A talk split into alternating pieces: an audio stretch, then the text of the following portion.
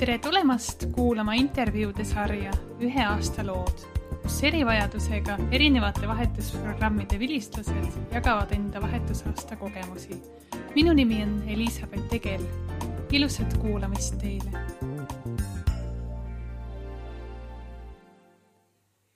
minu tänaseks külaliseks on Alice Kääramees. Alice käis vahetusprogrammiga Youth for Understanding ehk ÜFU vahetusaastal Saksamaal kaks tuhat üheksa, kaks tuhat kümme õppeaastal. nüüd töötab ta ÜFU-s programmi spetsialistina. Alice, suur tänu sulle, et sa oled nõus oma lugu jagama. kas sa saaksid palun kõigepealt natukene endast rääkida, et kust sa pärit oled ja millega sa hetkel tegeled? Pärit olen äh, Tallinnast, äh, olen kahekümne üheksa aastane. Äh, ja tõepoolest ÜFU-ga käisin vahetusaastal kaks tuhat üheksa, kaks tuhat kümme. Ja praegu õpin magistrantuuris psühholoogiat Tallinna Ülikoolis. Ja väikese kohaga tegelikult töötan ka Eesti Vaegkuuljate Liidus psühholoogina. Ja, ja, ja samal ajal ka täiesti ÜFU-s, et selline mitmel, mitmel kindel hästi tegus kas ma saan õigesti aru, et sa ise oled ka vaegkuulja? just, et äh, kannan ka kuuldeaparaate ja vaegkuulja olen äh, täiesti väikesest saadik olnud juba.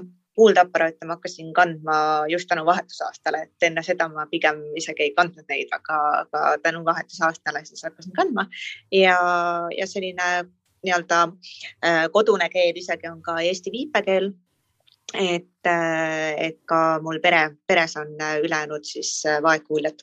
kui nüüd rääkida vahetusaastast, siis kuidas sul üldse see mõte tekkis, et vahetusaastale minna? see tuli tegelikult selles mõttes natukene nagu juhuslikult, et mul on vanem õde ja mu vanem õde tahtis minna messile, kunagi oli D5 selline hästi mm. suur äh, mess noortele, kus sai siis erinevaid võimalusi tutvustada ja, ja tema tahtis sinna minna ja kuna ta ei kuule, siis ma vahel äh, olen abiks talle, et äh, tõlgin või midagi sellist, et ma ise kuulen temast natuke rohkem. ja siis ta tahtis väga, et ma ikkagi kaasa läheks ja siis ma kaasa sinna läksingi ja lõpuks siis, siis seal messil nägingi seda infoboksi sealt säravad vabatahtlikud siis rääkisid Äh, kes olid ise vahetusaastal käinud, et mis see on ja kui äge see on ja, ja siis kuidagi juhtuski niimoodi, et, äh, et sealt messilt tulin mina ära siis hoopis sooviga midagi teha. oi kui tore. Äh, ja, ja sealt ta siis alguse sai, et ma kohe küll ei kandideerinud, aga siis nad tulid ka koolidesse rääkima, et meil vabatahtlikud ju käivad koolides ka ÜFO-t tutvustamas ja, ja siis sealt ma siis nagu sain selle, selle tõuke, et, et saatsin siis ankeedid ära ja hakkasin edasi tegutsema kui sulle endale see kandideerimise mõte tuli, siis kas sa arutasid seda oma perega ka ja kuidas sinu pere sellesse suhtus? ja arutasin küll, et äh, mu õde oligi see, kes mind isegi rohkem suunas, ütles, et ma kindlasti peaksin tegema seda ja kindlasti minema. Et äh, ta isegi äh, noh, kuigi ma natuke isegi natuke kahtlesin, aga siis ühel hetkel ta ikka surus mu arvuti taha, et saadad ära selle Äh, ja mu ema on alati olnud selline, et ta on igasuguse ideega päri, millega ma lagedale olen tulnud, et ükskõik, mis ma olen vahepeal teha tahtnud, kas mingit uut, ma ei tea, spordiala proovida või midagi, siis ta on alati öelnud, et proovi, proovi, et kõike võib proovida, onju. et aga ma arvan, et ju siis ta iga väga täpselt ei äh,, ei uskunud, et ma ikkagi lähen, onju, enne kui see päriselt minek oli, aga, aga, aga ei, ta oli väga toetav ja ta ütles ka, et see on nagu väga selline suur eluvõimalus, et et tookord me isegi noh, näiteks kasvõi see, et ma olen vaegkuulja, et see isegi ei mhm. tulnud mm -hmm. nagu küsimusekski, et, et, et miks mitte minna, et kuidagi, kuidagi tundus nagu, et ei tule takistuseks.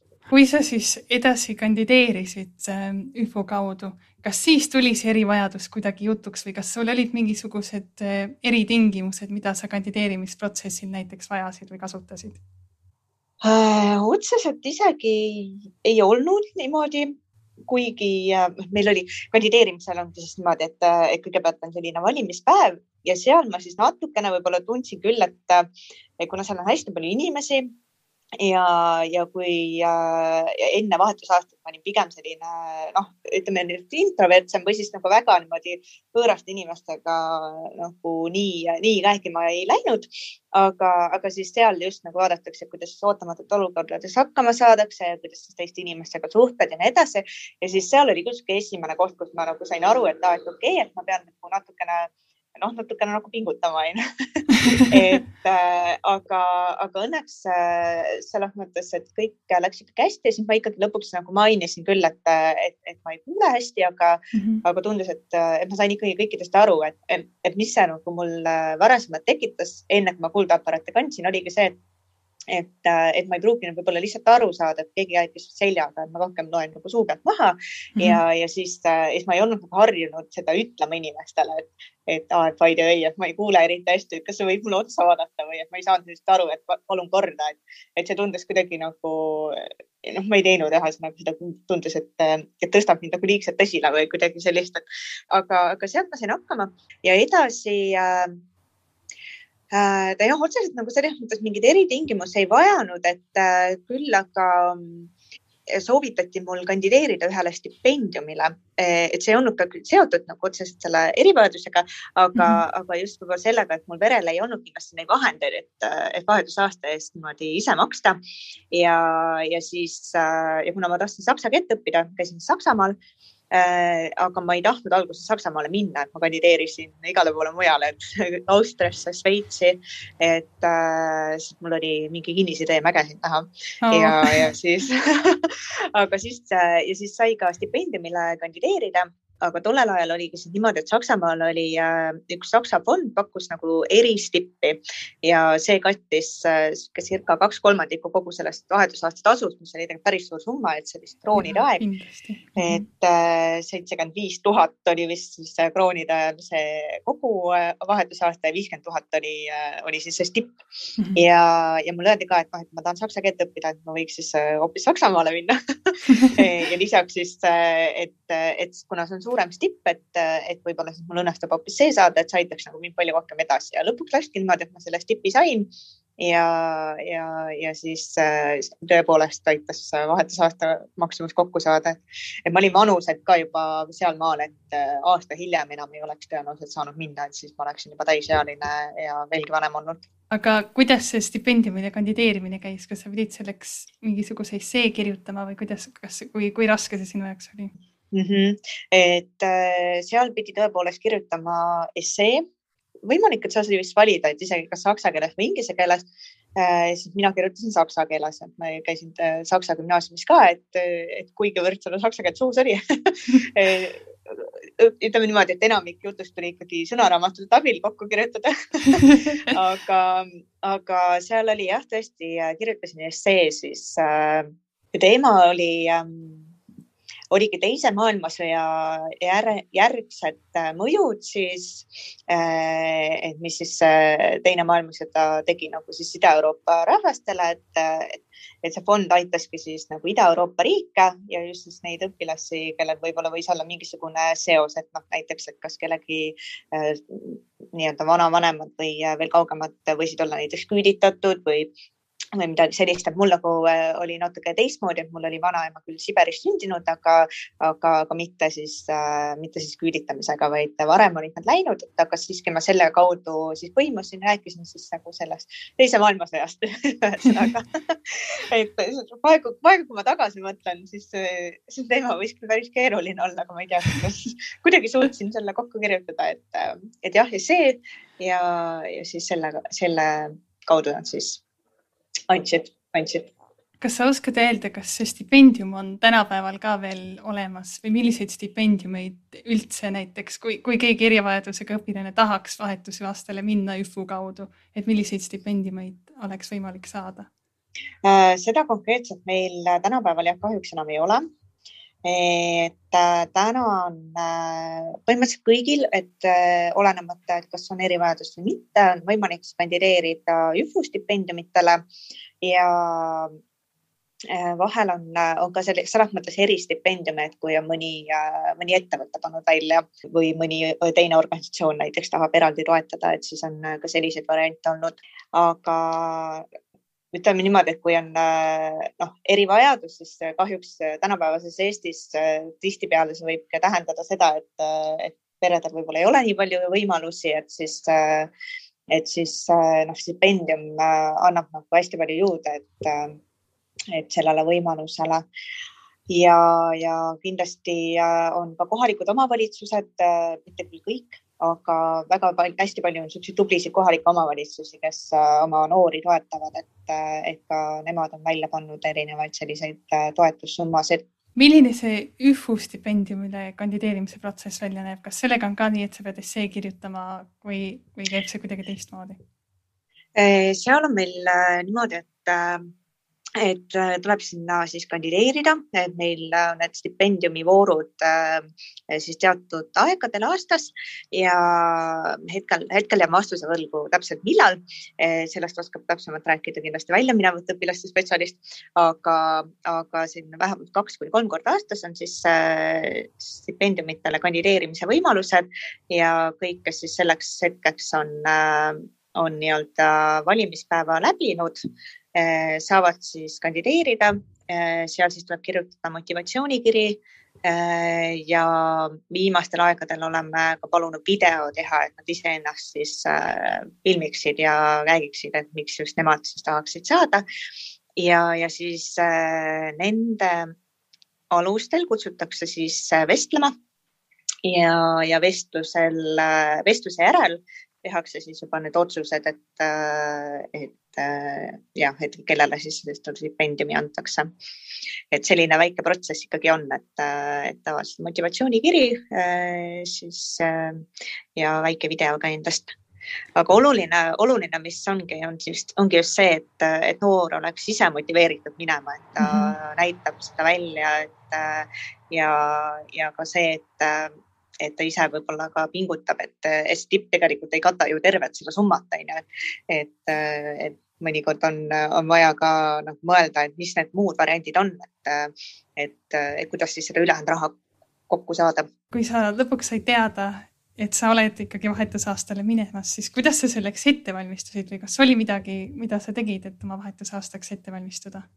Mõtlengi, et kas ma enne, Tüful on muidu ka see ettevalmistav laager on ju, selline eelorientatsioon on selle nimi enne kui äh, õpilased kõik lähevad, toimub siis suvel. aga ma mõtlen, et kas ma enne seda ka veel kuidagi, äh, kuidagi ette valmistasin, et äh, ma arvan, et isegi mitte, sest et tõenäoliselt ma sain alles aru sealsamas eelorientatsioonil, et, et nüüd, nüüd ikkagi päriselt on minek et, et enne oli vist ikka pigem, pigem noh, ma olin hästi õnnelik, et ma sain oma pere teada ja siis äh, ja siis ma mõtlesin selle peale, kas ikka seda raha kokku saadakse. Eh, ja siis, kui see kõik oli koos, siis, eh, siis ma kuidagi ilmselt olingi sellises nagu mullis, et, et, et see päriselt nagu kohale ei jõudnud, aga jah, siis seal eelorientatsioonil, mis on siis niisugune kolmepäevane äh, ettevalmistav laager ja, ja seal, seal ma siis äh, tõesti sain selle kõige suurema ettevalmistuse, et ja, ja pärast seda oligi, äh, oligi siis õigel ajal pakkimine ja minek, et äh, ja noh, kooliga kindlasti rääkisin ka läbi, et äh, andsin koolile ka teada, et mind siis järgmisest aastast enam seal ei ole, et aga, et ma tulen kindlasti tagasi, et palun hoidke kohta mulle. Milline teie see ÜFO eelorientatsioon välja näeb? Nagu ma enne ütlesin jah, et, et ta on niisugune mitmepäevane üritus ja, ja sinna tulevad kokku kõik need, kes siis olenemata riigist, kes lähevad siis vahetusaastale äh, suve jooksul. Tavaliselt siis vahetusaastale sõit on enamasti augustikuus, mõni üksik on ka juuli lõpus, oleneb riigist jälle, et mõni on võib-olla septembri alguses, aga üldiselt augustikuus. ja, ja seal siis ette valmistatakse Äh, kõiki neid õpilasi, et ettevalmistust äh, teevadki ka needsamad vabatahtlikud, kes on neil siis äh, ise vahepeal vahetusaasta käinud ja tagasi tulnud ja siis ÜFUs vabatahtlikena jätkanud. ja siis nemad nagu oskavad kõige paremini just seda kogemust edasi anda ja ja tavaliselt räägitaksegi sellisest kohanemisest, et äh, kuidas see kõik välja näeb, et, äh, et alguses on ju kõik hästi uus, eks ju, aga siis ühel hetkel võib tulla selline koduigatsus, äh, võib-olla mõni kultuurishokk või midagi muud, eks mm, -hmm. et, et, et, et seal jah, valmistatakse ette, et need emotsioonid võivad käia üles-alla, see on täiesti normaalne ja et kuidas sellega toime tulla et, äh, et seal näiteks äh, kas kuulata mingeid Eesti lugusid, äh, kirjutada, noh, tollel ajal ähm, kaks tuhat üheksa, siis net oli küll olemas, aga kõik kasutasime mingeid MSN-e ja Facebook oli äsja alles, äsja alles alustanud, ma arvan, Messengeri vist polnudki olemas veel et, et siis me ikka Skype isime või kirjutasime kirju isegi ja et siuksed erinevad nipid, äh, kõike nendest nagu räägiti.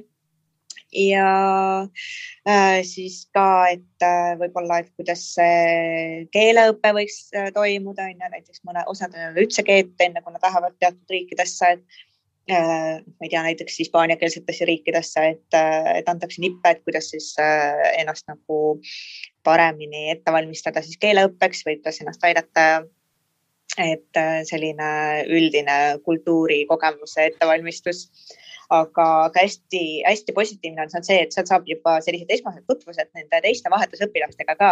et, äh, et sellised es esimesed sõbrad, kellega noh, pärast ka kasvõi mingeid kogemusi jagada või, äh, või kui on jälle raske, et siis kirjutada, et, teine vahetusõpilane alati mõistab alati paremini, et mida keegi teine läbi elab, et kui sa lõpuks kohale jõudsid, siis milline see regioon oli, kuhu sind pandi? mul oli, ma elasin Nordrhein-Westfalenis ja seal äh, selles mõttes äh, äh ma elasin väikeses äh, linnakeses ma ei olnud küll kunagi nii väikses linnas elanud, Tallinnast pärit, et kuigi mõtled, et Tallinn ei ole üldse suur linn võrreldes, võrreldes sellega oli Tallinn ikka väga mhm. hiiglaslik aga, aga ma elasin jah ühes väikeses linnas äh, ja ma käisin koolis veel äh, kuskil seal niimoodi kümme kilomeetrit kaugemal ühes teises äh, linnas äh, ja koolibuss siis viis kogu aeg sinna.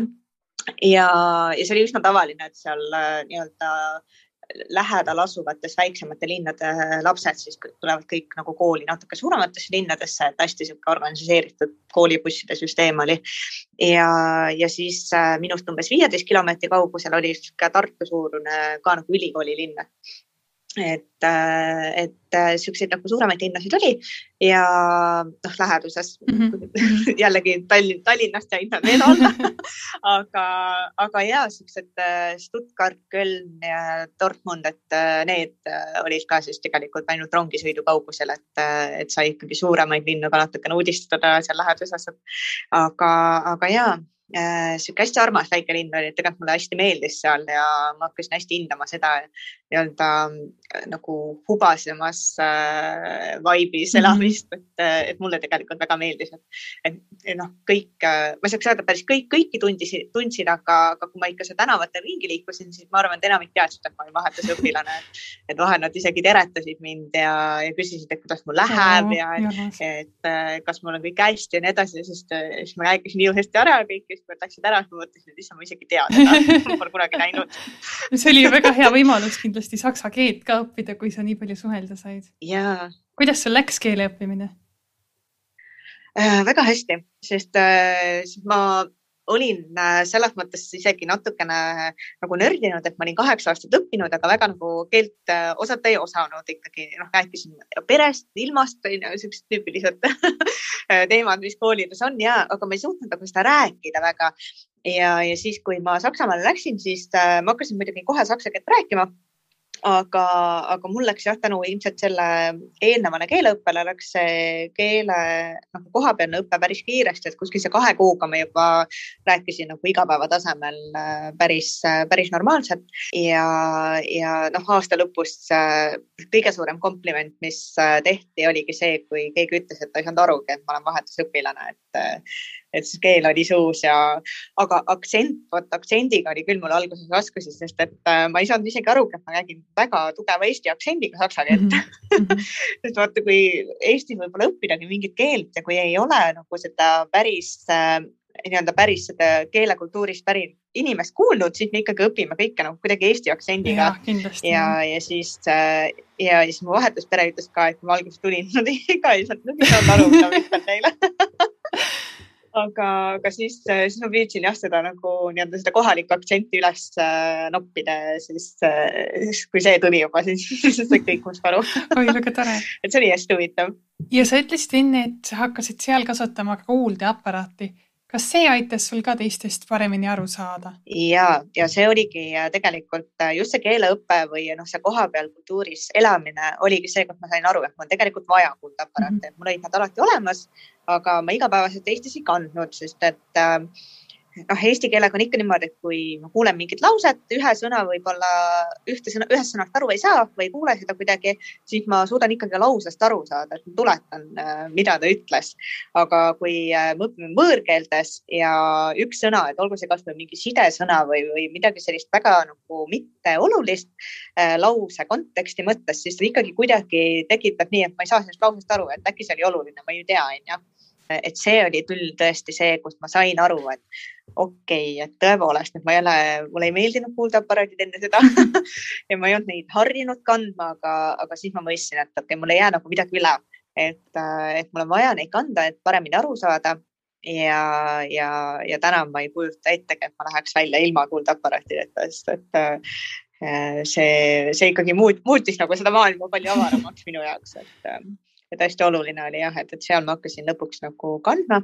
Ja, ja tõepoolest ma hakkasin palju rohkem aru saama äh,. suutsin äh, noh, sõpru leida, et ikka ongi, et kui sa kardad, et ei saa millestki aru ja siis hoiad tagasi mm -hmm. natuke, et võõraste inimestega rääkimisel või klassikaaslastega rääkimisel või midagi mm -hmm. sellist, aga aga siis sain siis hästi palju nagu enesekindlust just juurde, et okei okay,, et, et tegelikult on täiesti okei okay,, et kui ma räägin nagu eh, noh, et kui ma ei saa aru ja võib-olla küsin ja see ka, et, et Saksamaal mitte kedagi ei kottinud, et ma ei kuule nagu ma mainisin, et ah, et by the way, et ma nagu veits kuulen nagu halvasti, vaata, siis nad mingi, jaa, jaa, täiesti normaalne et ja, et. sa ei pidanud nagu seda nagu... ühesõnaga teavitustööd siis väga palju tegema?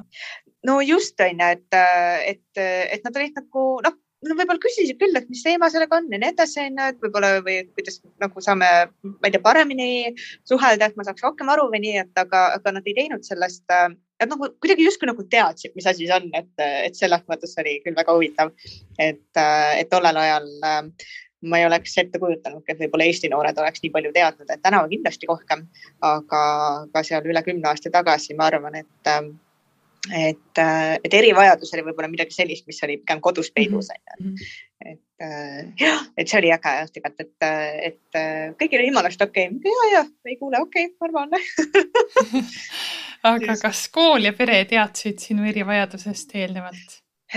kool vist ikkagi teadis jah, sest et mu vahetuspere oli neid äkki teavitanud, aga, aga ma ikkagi ise ütlesin ka kogu aeg, et, et et, et ma ei kuule ja kuna Saksamaal süsteemid olid niimoodi, et klassid olid väikesed, et äh, kuni viisteist inimest äh, klassis tavaliselt või kuni kakskümmend maks, et äh, ja lihtsalt noh, palju oli neid paralleele mm -hmm. nii-öelda onju. aga kuna klassid olid väikesed, siis see tähendas seda, et, et noh, et õpetajast sai palju rohkem aru ja sai palju rohkem suhelda ja teiste klassikaaslastega ja tihti on need lauad olid ka niimoodi asetatud, et me olime nagu just kuukujulised ja siis ma nägin kõiki. E, ja kui ma loen suu pealt maha, siis on hästi oluline just nagu kõiki näha, et see nagu aitas just sellel nagu vestluste ja arutelude tekkimisel ja üldse minu pool siis arusaamisel palju rohkem kaasa.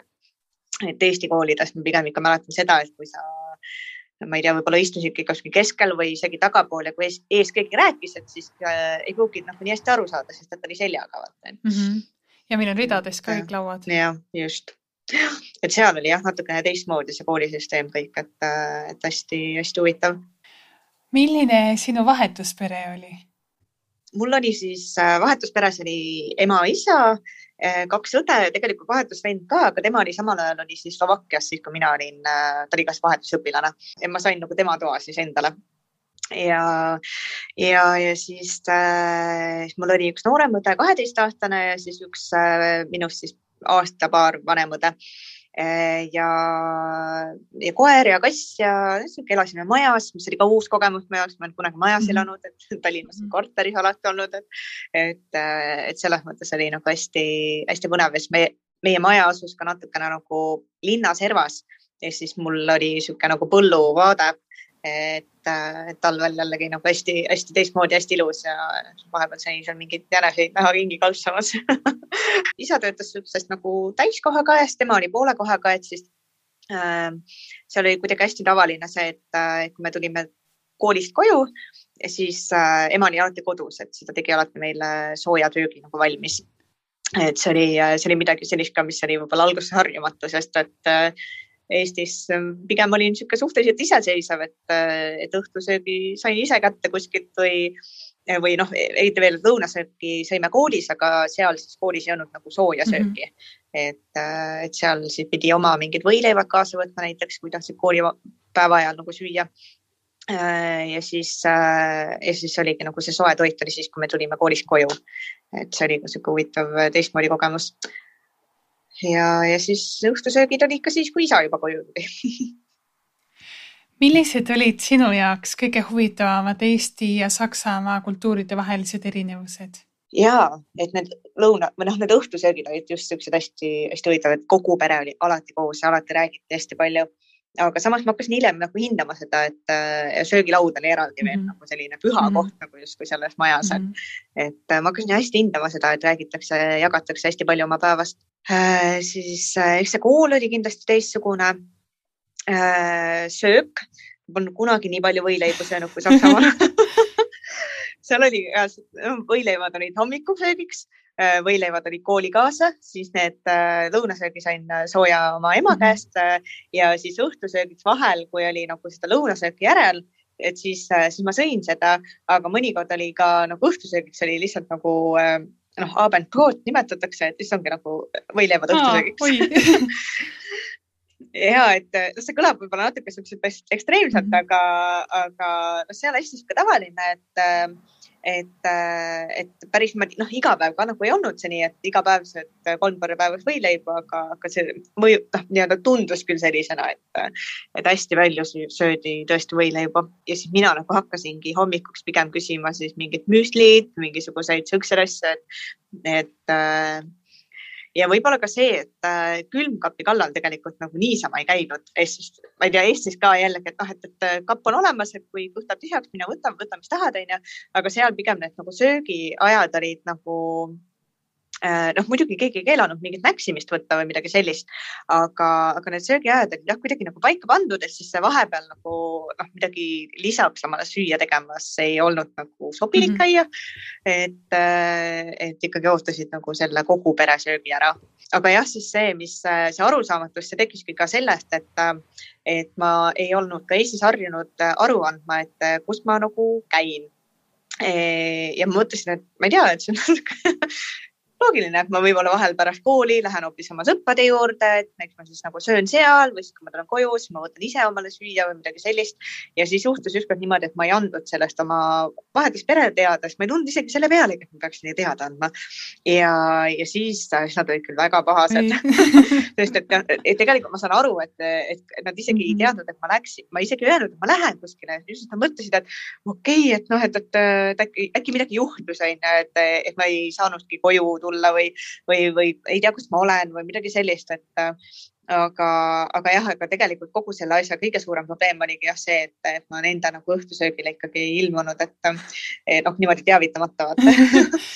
Ja, aga siis me rääkisime ikkagi äh, läbi need siis ma lihtsalt sain aru, et see ongi sihuke teistmoodi asja, vaata, et, et seal nagu ei ole harjutud, et, et lapsed käivad seal noh, niimoodi, et nad ei teavita, et kus, kus nad tahavad minna ja nii edasi, et, et siis ma ikkagi hakkasin kirjutama, et, et kui ma jään kuskil kauemaks või et ma lähen trenni või, või midagi sellist, ma jätsin neile väikseid siukseid nagu post-it eid see oli päris nunnu tegelikult.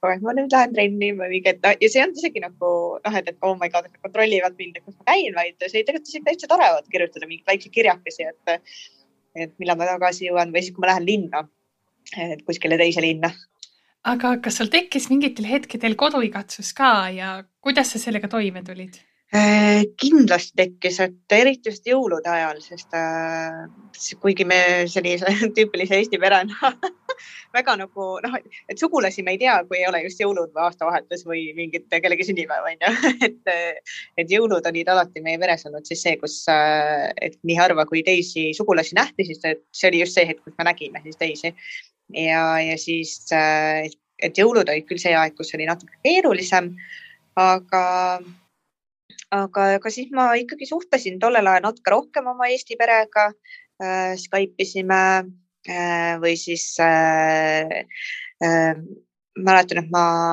sain, mul oli sünnipäev täpselt enne jõule, ka detsembris ja siis ma sain mingeid eestikeelseid raamatuid kingiks ja et noh, nii-öelda Eesti sõbrad siis saatsid mulle postiga sinna ja, ja siis ma lugesin neid, et see nagu hästi aitas, et just niisugust nagu Eestiga seonduvat äh, midagi äh, kuulata mm. -hmm. ja, ja ma arvan, et ma ei kuulanud ka mitte kordagi oma elus rohkem Eesti muusikat, kui seal et, et see oli hästi-hästi huvitav, aga jõulud olid küll see aeg ja ja siis ka, et kui oli natukene võib-olla keerulisem, et, et ma oma nagu selle vanema õega me ei saanud nagu nii hästi läbi, kui ma võib-olla alguses oleksin mm -hmm. oodanud. et, äh, et noh, et lõpuks me lihtsalt, me küll õppisime üksteisega elama ja see oli kõik väga-väga mm -hmm. tore ja kõik oli väga okei okay., aga, aga see ei olnud nagu selline võib-olla sihuke noh, sügavam selline kahe õe vaheline mm -hmm. suhe, et, et mul oma Eesti õega oli palju nagu tugevam see ja, ja siis, äh, et siis, kui meil võib-olla mingid tülid olid või midagi sellist, siis ikkagi natukene nagu igatsesid seda, seda rahulikumat elu et äh, aga, aga üldiselt jah, et, et, et ma ikkagi väga õppisin seal selliste nagu raskustega ka toime tulema, et noh, et, et, et ega me ju koju ei tule lihtsalt sellepärast, et mul on tüli oma õega, näiteks vahetusõega seal et tuleb ikkagi selle tüliga hakkama saada ja kuidagi ära lahendada seda, et ja, ja noh, väike, väike õde, kes oli tollel ajal kaksteist, aga ta oli küll hästi armas ja hästi tore, et kuigi me väga palju ei suhelnud nagu vanusevahe tõttu, aga, aga, aga vahel ikka, et noh, et kui mingi perega ühisel väljasõidud, et siis, siis ma pigem nagu suhtlesin temaga alati. kui sa koolis käisid, kas sul siis olid kõik tunnid samasugused nagu Eestis või oli midagi uut ka? ei olnud. Äh, mul oli jah, ikka selles mõttes see Saksa süsteem on niimoodi, et, et ei pea nagu päris kõik õppima. et gümnaasiumi astmes äh, tihti juba saab valida mingid teatud ained, et millele tahaks nagu rohkem keskenduda, et kas pigem reaalained või pigem humanitaarained ja, ja mina, ma sain ka valida omal aineid, et äh, mul ei olnud näiteks keemiat äh, üldse mm. -hmm või õigemini oli, aga see oli nii keeruline mu jaoks, et ma palusin, et ma seda ei õpiks. ja, ja siis, äh, ja siis ma ja mulle alguses ei olnud nagu geograafiat, aga siis ma just keemia asemel valisin geograafia. ja siis, mis oli näiteks teistmoodi, oli ka filosoofiatunnid, et neid näiteks Eestis äh, ma ei olnud kunagi saanud. et need olid hästi-hästi huvitavad oh,. väga huvitav, see võis saksa keelest päris keeruline olla oli küll jah nii et ma enamus ajast ei saanud midagi aru, et ma alles äh, viimasel siis nagu trimestril suutsin äh,, suutsin, suutsin arutada mm. -hmm. aga enne seda oli küll niimoodi, et ma lihtsalt äh, püüdsin aru saada, aga tõesti, see, oli küll jah keeruline, et äh, aga samas mul oleks olnud selle asemel valida siis religiooniõpetust, sest see mind nagu ka nii väga ei mhm. köitnud, et pigem tahtsin ikkagi seda filosoofiat äh, ja siis mul oli see ja, ja ma õppisin vene keelt ka, et see oli ka päris äh, äge, et äh, algusest peale, et äh, ma olin tolleks ajaks Eestis võib-olla ma ei tea, kolm aastat äkki õppinud või natuke rohkem, aga, aga siis äh, seal ma sain nagu täiesti nullist algusest peale õppida ja mhm. tegelikult see andis hästi palju mhm. juurde, sest et äh, noh, vahel ikka midagi läheb meelest ära nagu alguses õppes mm, -hmm. vaata. et, äh, et see oli nagu hästi vahva. kuidas sul koolis sõprade leidmine läks ja mis sul aitas sõpru leida? Äh, ma tegelesin ka päris palju kooliväliste asjadega, aga koolis, äh, kuna õnneks vaata klassid olid väikesed, et siis äh, nagu noh, võeti palju kiiremini mhm. omaks, et mul ei olnud niisuguseid inimesi klassis, kellega ma üldse võib-olla ei oleks suhelnud. ja, ja kuidagi äh, kuidagi jah, hästi nagu klappis teatud, teatud inimestega, kes siis nii-öelda võtsid mu nagu justkui oma tiiva alla siis, ja siis sealt ma siis äh, hakkasin veel, veel nagu kellegi teistega -hmm. rääkima, et äh, ja, ja siis äh, nende samade klassikaaslaste kaudu ma sain siis äh, hip-hopi tantsutrenni, et üks klassivend käis seal, siis ta kutsus mu nagu kaasa äh,. siis sealt tulid järgmised sõbrad ja, ja siis äh, tegelesin ka võrkpallimänguga äh,. ja siis seal oli ka täpselt niimoodi, et, äh, et seal ei olnud siis mu klassikaaslased, aga seal olid veel teised inimesed, kes käisid minuga samas koolis ja, ja siis äh,, siis sealt jällegi äh, sain tuttavaks uute inimestega ja hakkasin suhtlema, et et ikkagi nagu see kooliväline tegevus oli ka see, mis hästi palju aitas kaasa ja ja, ja samas ise tuli ka ikka vaeva näha, et, et et küsida ja, ja see aitas küll, kuidas inimestega jutu peale saada, see kool oli nagu mingi labürint ja ma ei suutnud kunagi oma õiget klassi üles leida. ja siis ma olin alati, küsisin inimeste käest, et kuule, kus see klass on, kus see klass on, kus see klass on, et selles mõttes kõik ikka aitasid mind, et, et see oli hästi lahe ja mul oli tegelikult üks hästi hea sõbranna oli ka ise vahetusõpilane mm, -hmm. et äh, seal piirkonnas oli peale minu oli veel, tema oli siis Norrast ja ta oli siis ka ühes sellest perest, kes oli siis mu nagu minu vahetuspere peretuttavad. et ta ei käinud küll minuga samas koolis, Äh, sest seal linnas oli veel kolm kooli, mhm. igas koolis oli vähemalt üks vahetusõpilane see oli niisugune päris huvitav. aga ta käis ühes teises koolis ja, ja, ja siis äh, lõpuks ma siis suhtlesin ka tema klassikaaslastega, et, äh, et, et hästi, hästi nagu äge oli ja, et sai nii paljude inimestega tuttavaks kas sa teadsid ka seda, et kui sul oleks vahetusaasta jooksul tekkinud mõni probleem, siis kust sa oleksid võinud abi saada, kas näiteks siis, kui sul oleks kuuldeaparaadiga midagi juhtunud? Äh, ma arvan, et äh, mu esimene abi oleks sellisel juhul olnud ikkagi mu vahetuspere, et äh, ma päris niimoodi nagu õnneks ei, ei tekkinud probleeme, et selles mõttes oli see hea aga, aga, aga noh, tegelikult kuna mul oli niisugune hästi väike linn ja, ja pidin kuuldeaparaatidele patareisid mm -hmm. ostma, et siis seal oli küll tegelikult see, et mul oli see kohalik apteek kus äh, sain siis patareisid mm -hmm. ja alguses nad isegi, äh, neil ei olnud nagu minu kuuldeaparaadile nagu sobivaid, et ma mäletan seda hetke, et ma pidin nagu neile seletama, et milliseid mul vaja oli, aga siis, äh, siis nad nagu äh, ikkagi tellisid sest et noh, neil lähevad vaata erineva paksusega, erineva mhm. suurusega mm, -hmm. olenevalt siis sellest nagu ähm, aparaadist endast ja siis ähm, siis jah, neid kuidagi nagu tollel hetkel ei olnud nagu neid, mis mul päris vaja oli, et aga siis, siis ma sain alati nagu nende juurest omale osta ja tellida, et, et selles mõttes oli hästi lahe, et nad nagu mõtlesid hullult kaasa ja uurisid, et milliseid vaja on ja siis ütlesid, et ei ole probleemi, et me tellime kohale. et, et ma arvan, et, et, et ka apteegist oleks abi saanud, aga, aga tõe, tõenäoliselt ma oleks pidanud ju kõigepealt oma perega mm rääkima ja, ja siis ilmselt minema ka siis kohalikku sellesse linnavalitsusse, ilmselt kuskile sinna ma ei tea, seal on kindlasti on mõni ametnik, kes niisuguse asjaga tegeleb mm. ja, ja, ja ilmselt oleks pidanud siis ka kuidagi Eesti kaudu ka veel ilmselt ajama sihukest asja. ja, ja eks mul oli ka nagu tugiisikud olemas, on ju, et noh, kindlasti võib-olla ei oleks nii spetsiifiliste asjadega osanud nagu aidata, aga, aga igas muus probleemis, et kui äh, mingi probleem oli, et siis mul oli ka tugiisikud, kes siis äh,, kes siis ikka aitasid ja nõustasid, kui vaja. ja see oli IFO poolt siis või?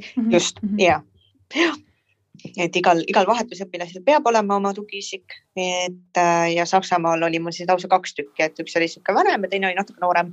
et äh, ja, et meil Eestis on ka niisugune süsteem, et meil on äh, nii-öelda vanemad tugiisikud, kes on siis ka perele tugiisikuks mm, -hmm. siis on eraldi õpilastele veel niisugused natuke nooremad tugiisikud. et kes siis aitavad võib-olla rohkem sellise nii-öelda teismeliste mm -hmm. teemadega mhm. noh, või selles mõttes, et kuidas siis nagu noor kohaneb mm -hmm. ja nii edasi, onju, et millega võib-olla vanemal inimesel, kes ei ole ise äkki olnud vahetusaastal käinud, et äh, ei ole niisugust mm -hmm. kogemust noh, need õpetajad olid ka nagu hästi vastutulelikud, et nad ikkagi alati küsisid, et kas mul on midagi vaja ja kui näiteks mingid kuulamisülesanded või mingid siuksed asjad, et siis neid ma ei pidanud nagu tegema. et, äh, et siis nagu seda nagu arvestati mm -hmm. koos minu, noh, minuga et äh, ja koolikantselei oli ka hästi-hästi toetav, et, äh, et alati, kui mul mingi probleem oli, kas, äh, kas ma jälle ei leidnud klassi üles või, äh, või, või mul oligi just see tunniplaaniga, et see keemia oli vaata mhm. hästi raske, onju, et ma tahtsin äh, tunniplaani vahetada või midagi mhm. sellist, et siis ma nagu alati, alati käisin seal koolikantseleis, et, et nemad olid ikka nagu hästi mhm. toetavad, küsisid ka hästi palju, et just, et kuidas läheb ja nii edasi, et siis nad isegi nagu teadsid mu hindeid, et ma ei pidanud, ma nagu ei pidanud hindeid saama, aga ma ikkagi nagu tahtsin ja siis endal on ka nagu põnev vaadata, et mis, mis on siis hindeks saada ja nii edasi, et äh, väga hästi või noh, selles mõttes, et äh, oli siuksed äh,, osad õpetajad olid sellised, kes ütlesid, et, äh, et jah, ma ei saa nagu sind hinnata võrdväärselt mm -hmm. teistega, onju, et ma siis nagu pigem ei pane mm -hmm. ja siis, kui nad lõpuks said mind hinnata, et siis nad panid mulle selle hinde, et see oli ka nagu lahe, et, äh, et, et ma niimoodi nagu arenesin mm. -hmm. ja siis äh,, siis äh, aga näiteks saksa keelega oli mul see, et noh, ehk siis, ehk siis nagu emakeel nagu seal onju, nende jaoks, et saksa keele kirjandus ja seal mul see õpetaja tegi äh, eraldi neid äh, nagu teste et tegi nagu lihtsamaid ja et andis mulle mingi lihtsamat lugemist või midagi lihtsamat sellist. ja siis see kõige viimane oli äh, täpselt samasugune nagu kõikidel teistel, ta ütles, et ta hindas mind täpselt samamoodi, kõik grammatika, kõik täpselt samamoodi. ja siis ma tegin paremini kui pooled mu klassikaaslastest oi kui tore. see, see oli ka sihuke see oli väga nagu sihuke vinge vibe, oo jee. et, äh, et ja need kõik õpetajad olid hästi siuksed paindlikud, et, äh, et ah, mul oli ka näiteks üks õpetaja, ajalooõpetaja, kes ütles, et, et noh, ta on pigem niisugune nagu põhimõttekindel, et, et noh, et, et, et ta hindas mind samamoodi nagu kõiki mhm. teisi mm -hmm. ja kuna ilmselgelt ma tegin alguses seda äh, Äh, kõike ma tegin väga mhm. aeglaselt või ma ei vastanud mhm. kõikide küsimustele ja nii edasi, et siis ta ütles, et ta, et ta ei saa mulle hea hinde panna kui kahe onju mis oli siis mm -hmm. Saksa süsteemis on see siis äh, viis või neli või midagi siukest, aga siis äh, Äh, aga, aga noh, sellest, kuna sellest nagu midagi ei johtunud, et, et keegi mind ei hakanud välja mhm. viskama või, või, või kuidagi pahandama, et mul ei olnud nagu seda mhm. hinnet otseselt vaja, et siis läks sinna küll sinna sisse, aga siis aasta lõpus äh, sain juba oluliselt paremaid hindeid ajaloos, et mm -hmm. ta ütles ka ja, ja ta nagu võttis aega mu jaoks, et selgitada, et miks ta nagu selle hinde pani, sest ta ei tahtnud, et ma halvasti ennast mm -hmm. tunnen. ja ta ütles, et see, mida ma kokku kirjutasin, see oli jumala hea, jumala mm -hmm. super onju, et aga lihtsalt kui ainult noh, mingi osa ülesandetest jääb tegemata, et ei saa nagu halvemat hinnet panna, aga ma olin lihtsalt mingi, issand, kui tore, et sa minuga räägid nii äge, et sa otsast tagasi saad panna. ma olin nagu üliõnnelik, et selles mõttes äh, oli nagu vahva. et ja arengut oli küll näha tõesti, et see oli nagu äge. kas sul on mõni hetk veel vahetusaastast, mida sa sooviksid jagada? Ma arvan, et kõige nagu ägedam, tavaliselt esimene asi ka, kui ma mõtlen oma vahetusaastale, et äh, ma alguses rääkisin, et ma tahtsin õudselt mägedesse mm -hmm. minna. E, ja siis ma tegelikult ju äh, sealkandis, kus ma elasin, see Nordrhein-Westfaleni piirkond, see on täiesti lage. Seal ei ole mitte ühtegi küngast ka mitte.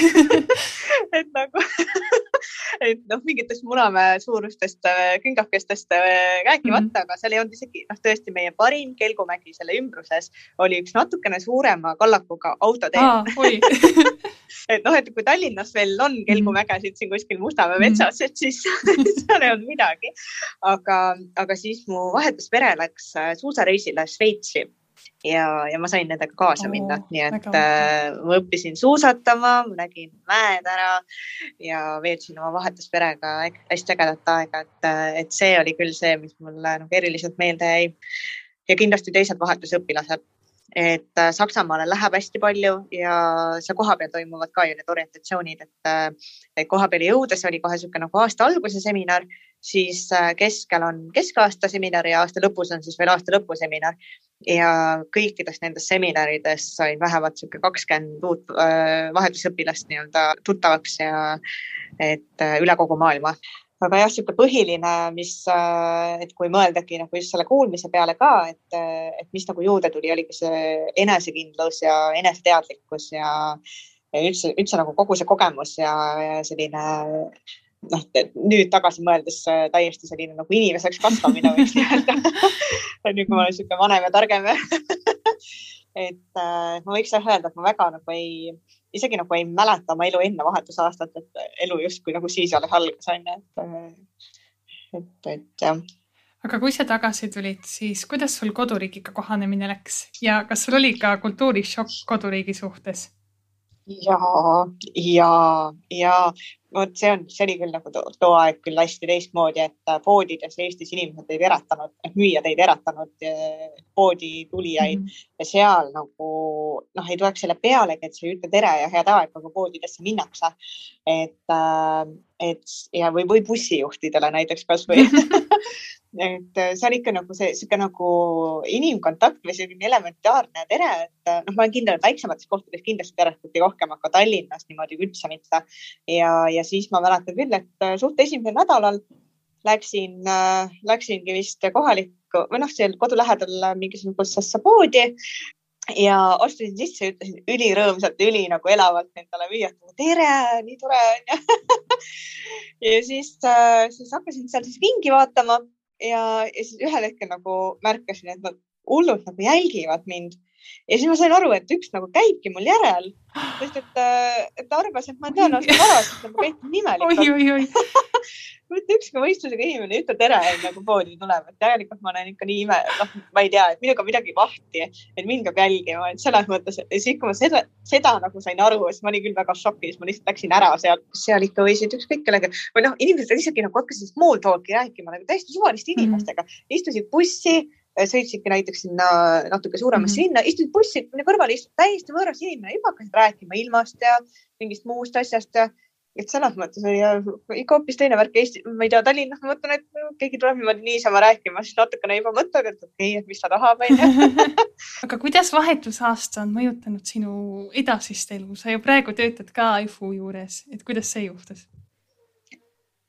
Äh, ja ma hakkasin kohe vabatahtlikuks ka, et äh, kui ma tulin tagasi, siis, äh, siis ma hakkasingi vabatahtlikuks lihtsalt seetõttu, et et mul ei olnud nagu kellegagi rääkida oma vahetusaasta kogemusest, et, et mul on ikka väga toredad sõbrad ja siiamaani mul sõbrad ja väga head sõbrad, aga tollel hetkel nad ei osanud nagu suhestuda minu selle noh, igatsusega, et ma ikkagi igatsesin oma Saksamaa sõpru ja Saksamaa mhm. peret ja, ja, ja kõike sealt, et et, et kui ma sellest nagu rääkisin, et siis nad ei osanud nagu võib-olla nii hästi suhestuda ja siis ja siis ma nagu hakkasin otsima neid teisi inimesi veel, et ja, ja kuna äh, käisin kunstikoolis äh,, mis asub ÜFU kontori kõrval kohe, et siis mul oli jube hea, hea, mul oli hästi hea minna ÜFU kontorisse kogu aeg.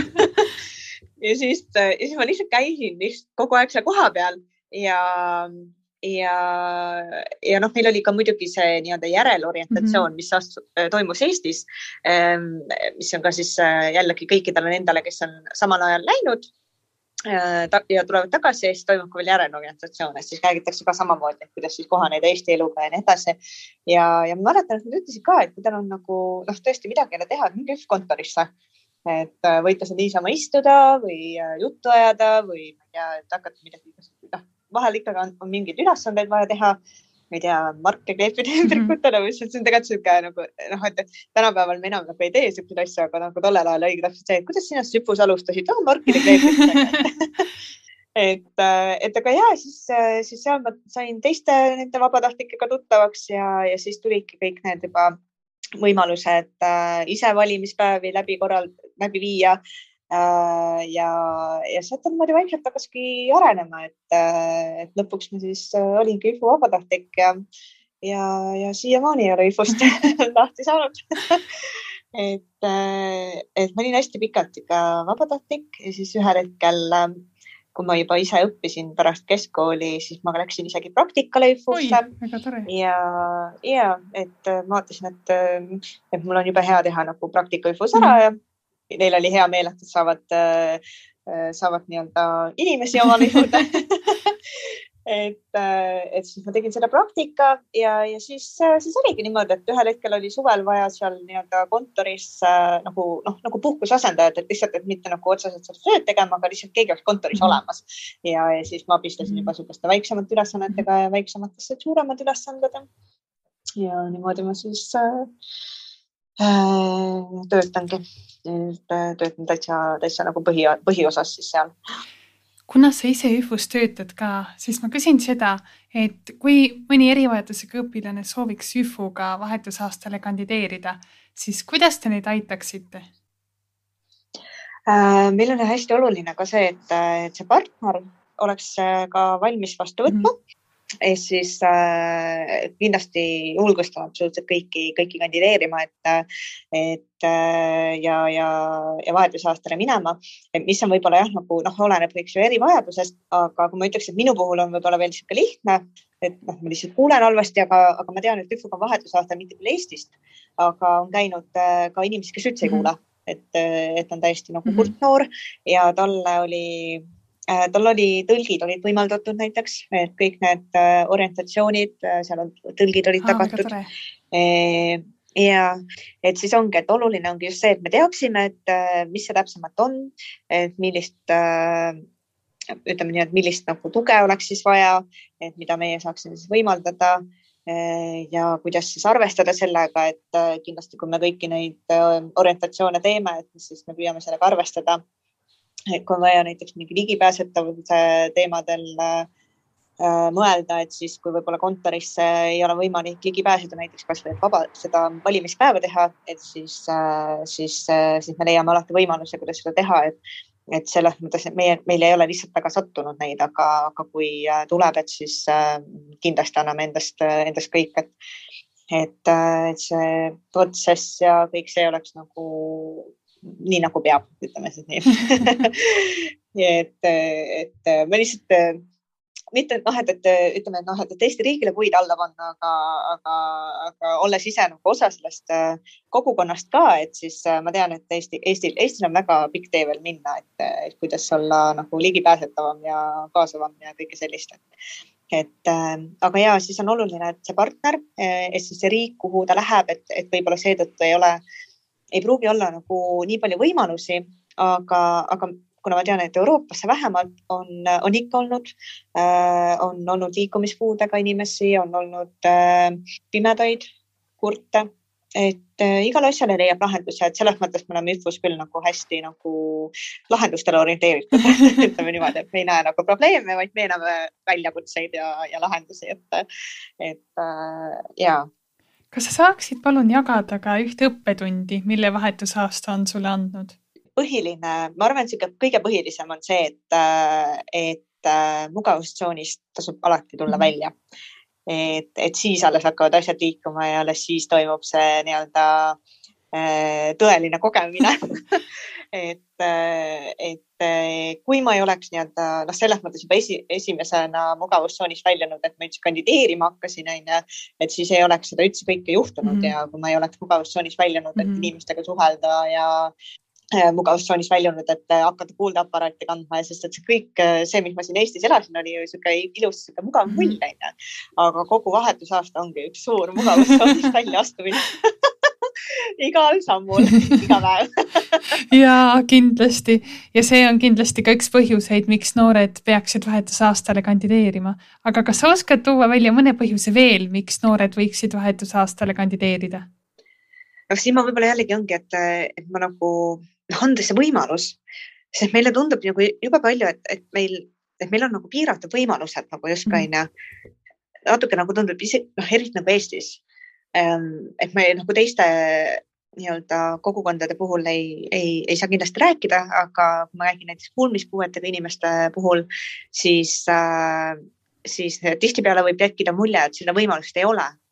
et, äh, et see põhjus on, et anda endale see võimalus, et minna ja proovida et, äh, et võimalus on nagu justkui olemas, aga meile tundub, et seda ei ole, vaata, et, et, äh, et minna ja, ja tutvuda uute kultuuridega ja üldse saada nagu see vahetusaasta kogemus, et, äh, et mitte miski ei pea nagu tagasi hoidma.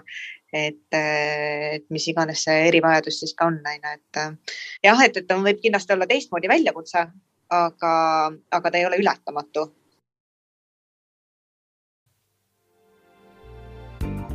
kui kuuldud intervjuu tekitas teis mõtteid või küsimusi, siis andke nendest julgesti teada, kirjutades podcasti lõpus oleva transkriptsiooni kommentaaridesse. podcasti muusika on loonud Andre Lewy ja minu nimi on Elizabeth Tegel. aitäh, et kuulasite ja peatse taas kohtumiseni